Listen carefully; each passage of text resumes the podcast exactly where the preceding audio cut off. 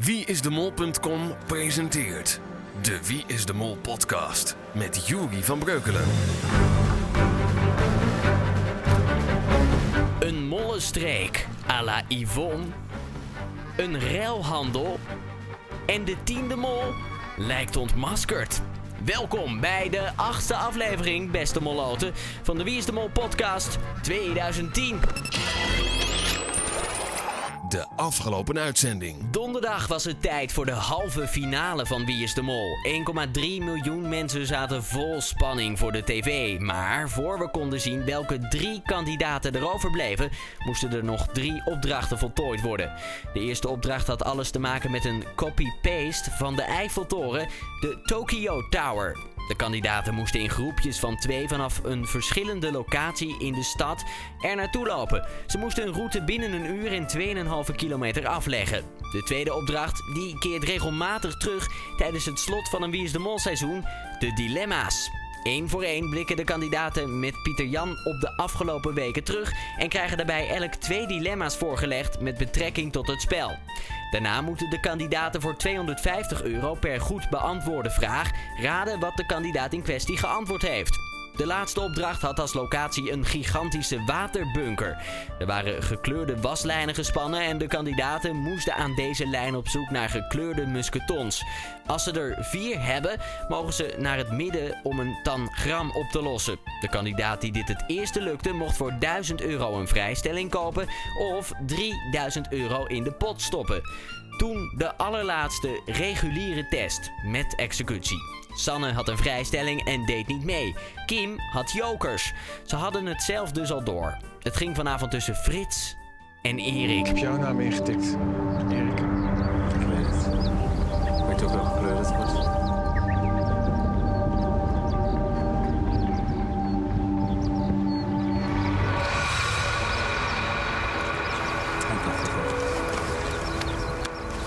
Nou, Jammer jongen. goed gedaan. Ik heb hier een molfoon.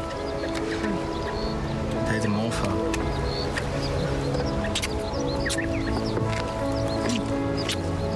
Hij geniet ervan. En daarmee is Erik de laatste afvaller. Net voor de finale. We gaan dus door met Kim, Sanne en Frits. Maar hoe staat het met de pot? Die is nog steeds historisch laag. We begonnen de aflevering met 11.400 euro. Bij de Tokyo Tower verdienen ze 2500 euro. En met de dilemma's nog eens 1000. Maar Sanne die koopt voor 1000 euro wel weer een vrijstelling. En dus houden we 13.900 euro over. De quote van de week. Het rode scherm van Arjen komt hard aan bij onze kandidaten. Aan het begin van deze aflevering zien we dan ook de overgebleven deelnemers zichtbaar aangeslagen napraten over de executie. Door alle emoties verspreekt Erik zich, maar Frits is zo scherp dat hij hoort wat Erik Hij zegt. was zo overtuigd Ja, dat hij het wist. ik had echt gedacht ik ga met eh, Arjen door naar de finale, maar dan zit ik opeens met jullie Opgeschreven. opgeschreven. Waarom zou jij doorgaan? Nou, wat denk je nou zelf? Nou, een morgen van me. Jongen, jongen. 10 jaar Wie is de Mol, seizoen 8. We hebben nu al zeven keer teruggekeken naar oude series. Vandaag doen we dat ook weer in een seizoen dat begon met een valse start. We hebben het over seizoen 8. Een seizoen dat wederom veel nieuwe dingen bracht. Allereerst werden wij voorgesteld aan een nieuwe presentator. Karel mocht nu echt niet meer meedoen en ook Angela was al lange tijd weg bij de omroep. Opvolger werd Pieter Jan Hagens. Een gezicht die we al kenden van de tv-programma's Jules Unlimited, Netwerk, Twee Vandaag en later Eén Vandaag. Ook waren er weer tien nieuwe deelnemers gevonden. Dat waren Nicolette Kluiver, Annette van Tricht, Georgina Verbaan, Koen Zwijnenberg, Joris Linsen, Dunja Kayame, Patrick Martens, Regina Romein, Edo Brunner en Dennis Wening. Voorafgaand aan de serie werd het programma is de Mol uitgezonden op Nederland 3. De AVRO noemde dit programma zelf een cursus mol kijken voor beginners. Door middel van fragmenten uit oude molreeksen liet men zien waar de mol steeds aan te herkennen was geweest. De afleveringen zitten vol met tips en trucs om achter de identiteit van de mol te komen. Daarnaast werden de kandidaten voor het komende seizoen voorgesteld en geïntroduceerd. Door oud-mollen en oud-winnaars werden zij getest op hun molvaardigheid en beoordeeld op de kans of zij de mol konden zijn. Qua naam scheelde het maar één letter, maar qua kijkcijfers niet. Die is de Mol was een enorme flop, met vaak minder dan 200.000 kijkers. Hoe zou de achtste serie van start gaan na zo'n slechte aanloop? Maar er was niets aan de hand. De eerste echte aflevering van het seizoen trok maar liefst 1,8 miljoen kijkers. Een record toen der tijd. In de Mexicaanse zon werd tevens een nieuw spelelement geïntroduceerd. De topo. Een topo was een ronde schijf van acht gekleurde taartpunten, de zogenaamde topitos. Deze topito's waren te winnen tijdens het spel. Had je acht verschillende topito's, dan kon je een topo vormen, wat gelijk stond aan een vrijstelling. Onderling vond er een ware ruilhandel plaats met topito's. Doenja bood zich zelfs een nachtje aan. In ruil voor vijf topito's. Er wordt twee vrouwen over, jongens. Ja, dat, ja. Ja, we zitten keep strong, baby. Erg. Nee, wij gaan we bij elkaar. niet veel gasten, hè? Ja, dan kunnen we gewoon de loten. Wie gaat vanavond met doen? Ja. 50 Zo, best niet. Spectaculair was deze reeks, zeker. Zo werd er geschoten met pistolen, bommen onschadelijk gemaakt en met speedboten en helikopters gereest. Ook moest met veel geweld een piñata, dat is een pop van papier-maché, kapotgeslagen worden op zoek naar geld. Geblinddoekt. Dit liep verkeerd af voor een cameraman die per ongeluk geraakt werd door Patrick en knock-out werd geslagen met een knuppel. In de finale zat Regina op de verkeerde mol. Edo had goed dat Dennis Wening de mol was en won 20.375 euro. En dat Dennis de mol was gaf hij zelf vaak genoeg aan. Verborgen, uiteraard. In de kerk waar je een vraag aan de mol mocht stellen, vraagt Dennis niet is Edo de mol, maar is ego de mol. De mol beantwoordt deze vraag met ja, want ego betekent ik in het Spaans. De mol maakt nog meer verwijzingen naar ik, als antwoord op de vraag wie is de mol. Dennis heeft de bordjes ik en achtom in aflevering 3. In de taxiopdracht rijdt hij met de i op het dak en I is het Engelse ik. En in de taxi neemt Dennis de telefoon steeds op met yo, wat ik in het Spaans betekent. Maar de ultieme hint kregen de fans toch wel in de één na laatste aflevering. Dennis werd levend begraven in een kist onder de grond. En onder de grond is toch de plek waar mollen zich het meest op hun gemak voelen. De Wie is de Mol community. Het is weer tijd om een duik te nemen in de wereld van de diehard molloten. Wat voor theorieën hebben zij nu weer bedacht? Wat viel hun op en wie verdenken ze? We beginnen met Tommy, die zegt: Vond de opmerking van Sanne heel verdacht. En kan zo doorgaan als de hint van vorig jaar met John, die zei: Ik wist het, ik wist het. Als Sanne in haar biecht vertelt over wie zij denkt of hoopt dat die in de finale komen, zegt ze: De Mol, Kim Pieters en Frits of Erik. Ze zegt haar eigen naam niet, maar die kan je wel neerzetten in plaats van de mol. Nu lijkt het net alsof ze zegt Kim Pieters, want die is de mol natuurlijk. Dan Molière die zegt wellicht nog twee hints richting Frits. 1. Hij is de enige in de gehele serie bij wie vraag 10 van de test in beeld komt. Om precies te zijn in aflevering 8. En 2. In de gehele serie komen bij hem alleen de testvragen 8 en 10 in beeld.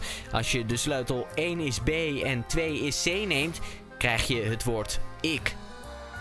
S-Type zegt, nou, het is evident, Sanne is de mol. Sanne neemt de leiding bij de wandeltocht naar de Eiffeltoren door direct te zeggen dat ze heel erg richtingsgevoel heeft. Verder is het erg duidelijk dat Sanne thuis heeft leren tangrammen om de vrijstelling te verdienen vlak voor de finale.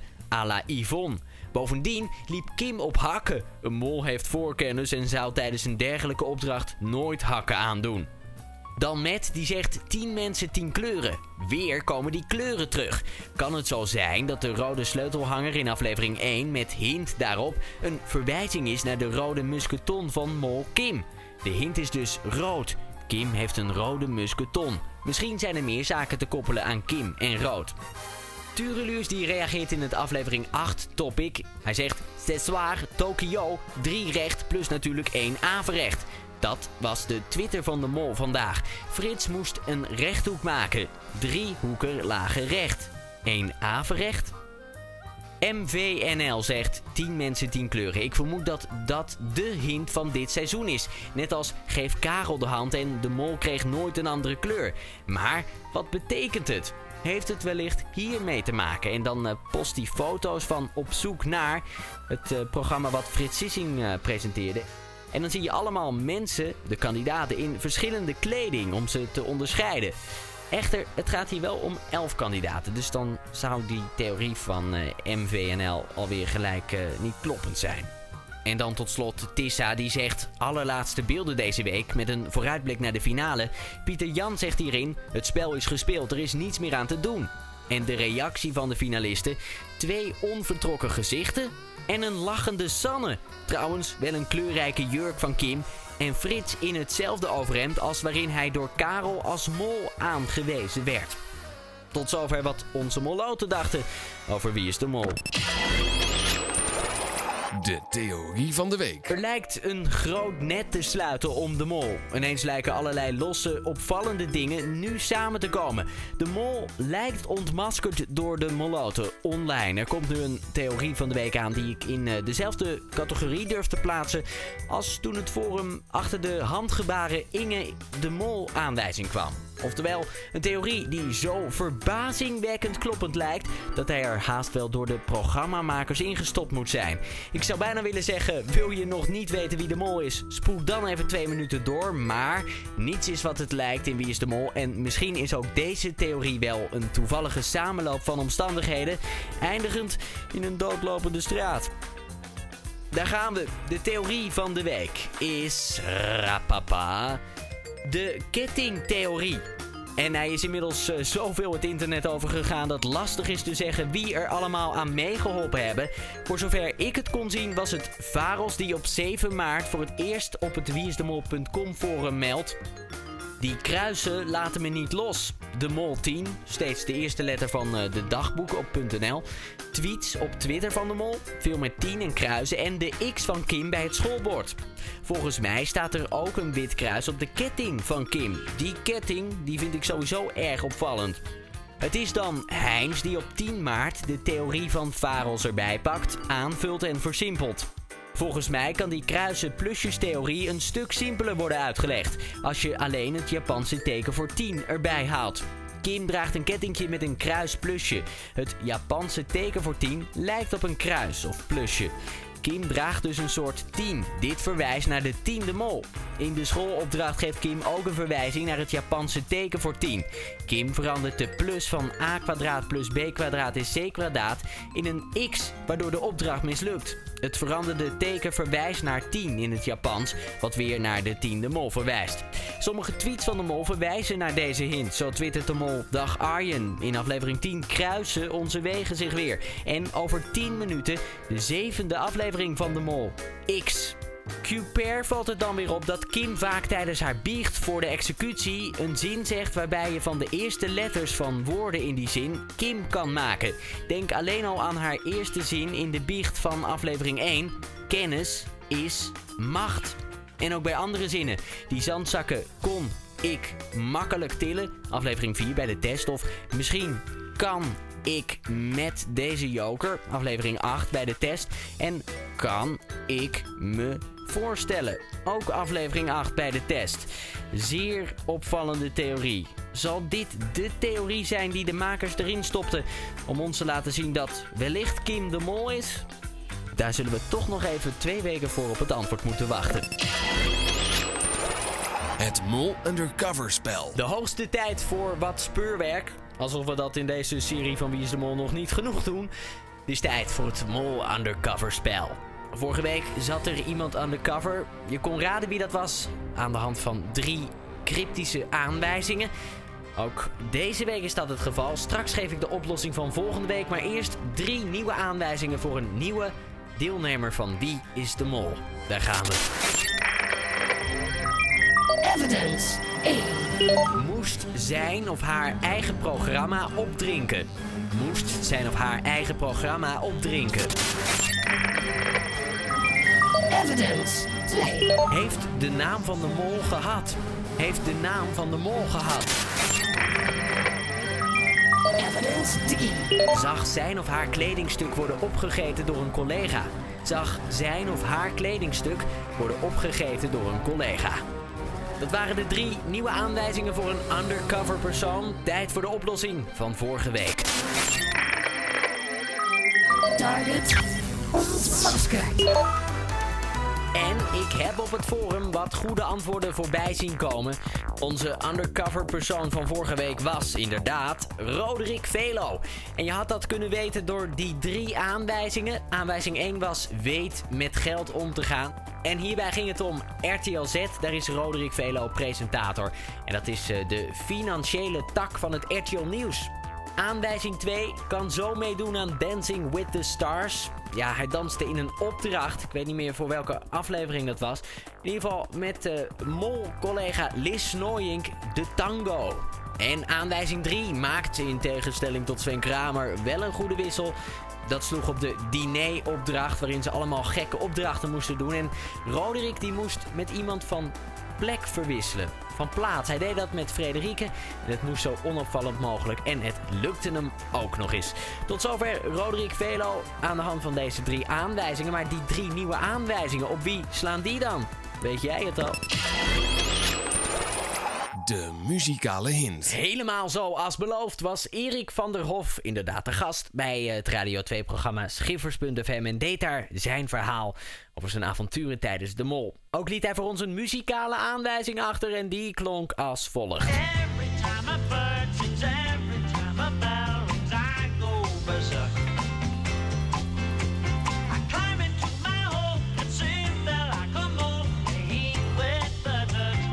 Je hoorde Gilbert O'Sullivan met het nummer In My Hole. Ehm, het forum en eh, ja, de community die wist niet heel veel te vertellen over deze muzikale aanwijzing. Blijkbaar was het een moeilijke. Ik heb er toch wat uitgezocht. Faros die zegt Every time a bird sings. De eerste regel van het stukje dat je hoorde. Bird, Sanne Vogel. Every time a bell rings. Heeft weer te maken met opsporing verzocht wat Frits Sissing presenteerde. Eric Q zegt Every time a bird sings. Misschien moeten we dit niet meteen aan Sanne Vogel linken, omdat dat misschien wel te makkelijk is. Misschien gaat het er juist om, telkens wanneer Sanne iets zingt, oftewel zegt, dat de mol dan woest wordt. I go berserk. En tot slot Avogadro die zegt: De test vindt plaats in de ondergrondse regenopslagbunker. En Kim zit daar met de benen gekruist. En kruis verwijst dan weer naar de theorie van de week. Heb jij ook nog iets te melden over de muzikale aanwijzing van Gilbert O'Sullivan? Laat het dan weten via een van de fora of spreek ons antwoordapparaat in. Daarover gesproken. Het Wie is de Mol antwoordapparaat. Er staat weer een nieuw bericht op het antwoordapparaat. Dat ga ik zo laten horen. Eerst nog even dit. Wil jij nog één keer je mening geven over dit seizoen van Wie is de Mol? Vertel bijvoorbeeld wat jouw ultieme, meest leuke of ontroerende moment was van dit seizoen.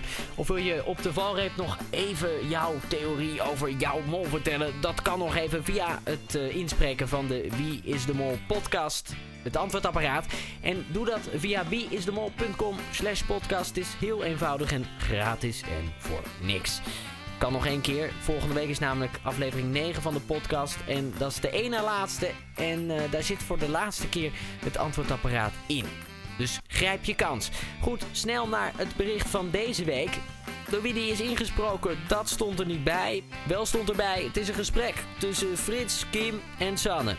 Laten we snel gaan luisteren. Kim, ik ben aan het studeren. Kan ik meehelpen? Ik heb nog wat jokers voor informatie. Kennis is macht. Leuk kettingje heb je om, Kim. Ketting is mooi, hè? Kruis in het midden. hey, aan het klankborden? Klankborden is managementtaal. Eh, ja, wie wil er iets drinken? Kamillethee, ik mok. Zeg Sanne, wat staat daar in je boekje? Kim is mol. Nee, Frits Sissing is de mol. Karel heeft het voor elkaar. Karel is macht. Even kijken, wat staat er in mijn boekje? Gelukkig geen vlekken in broekpas. Poeder houdt niet van delen. Frits heeft ons genaaid in de bos. Eh, ja. En de theorie. Theorie, theorie. Thee-theorie. En tegenwoordig als Japanners het centrum van het symbolisme. De boeddhistische monnik Bodhidharma Druma zou de grondlegger van het symbolisme in Japan zijn. Bodhidharma wordt gezien als uitvloeisel, voortvloeisel van Ganon en over hem gaat de legende over het ontstaan van de theestra. Bodhidharma Druma is in Japan bekend van de rode kopjes met baard en zonder benen. Vanuit zijn boeddhisme zonder andere theeceremonie, bloemstrekkunst... Praat al iets minder. Van wie is die theorie? Kan iedere moloot zijn. De wieisdemol.com pool. Hoeveel zal hier nog gaan veranderen? Nou, er kan heel veel veranderen. Stel, de huidige nummer 1 die stemt al vanaf aflevering 1 in de pool op Frits als mol. En dan blijkt Frits dadelijk ineens de mol niet te zijn. Dan worden al die punten van de afgelopen weken er gewoon keihard weer van afgehaald. En dat betekent dat je ineens in de onderste regionen van de pool kan eindigen. Dit is hem, de huidige ranglijst van de pool na aflevering 8. Met op 5 LDH Molletje en 613 punten. Op 4 FF met 618 punten. Rooney staat op 3 met 633 punten. Op 2 de dikke controleur heeft 6 puntjes meer, 639. En dan de nummer 1 met een dikke 30 punten voorsprong. Het is Hilo met 674 punten. Dat gaat nog spannend worden. De Wie is de Mol podcast 2010. Elk weekend een nieuwe aflevering via wieisdemol.com slash podcast en iTunes. Oh jee, oh jee. Spannend hè. Volgende week is die dan. De grote ontknoping van Wie is de Mol 2010. Nou, niet dus. Nou ja, je zou het wel de finale kunnen noemen. Maar op het moment dat Pieter Jan er staat en zegt... Molletje maak je bekend... Komt de aftiteling in beeld en zien we het filmpje van volgende week... waarin we alle kandidaten in dat eh, kasteel in Lisse zien. Ja, we moeten dus nog twee weken wachten voordat we definitief weten wie de mol is. Maar die theorie van de week zou zomaar eens kunnen kloppen. Wellicht weten we volgende week meer. Zie je dan graag in aflevering 9 van de Wie is de Mol podcast 2010. Tot dan, dag!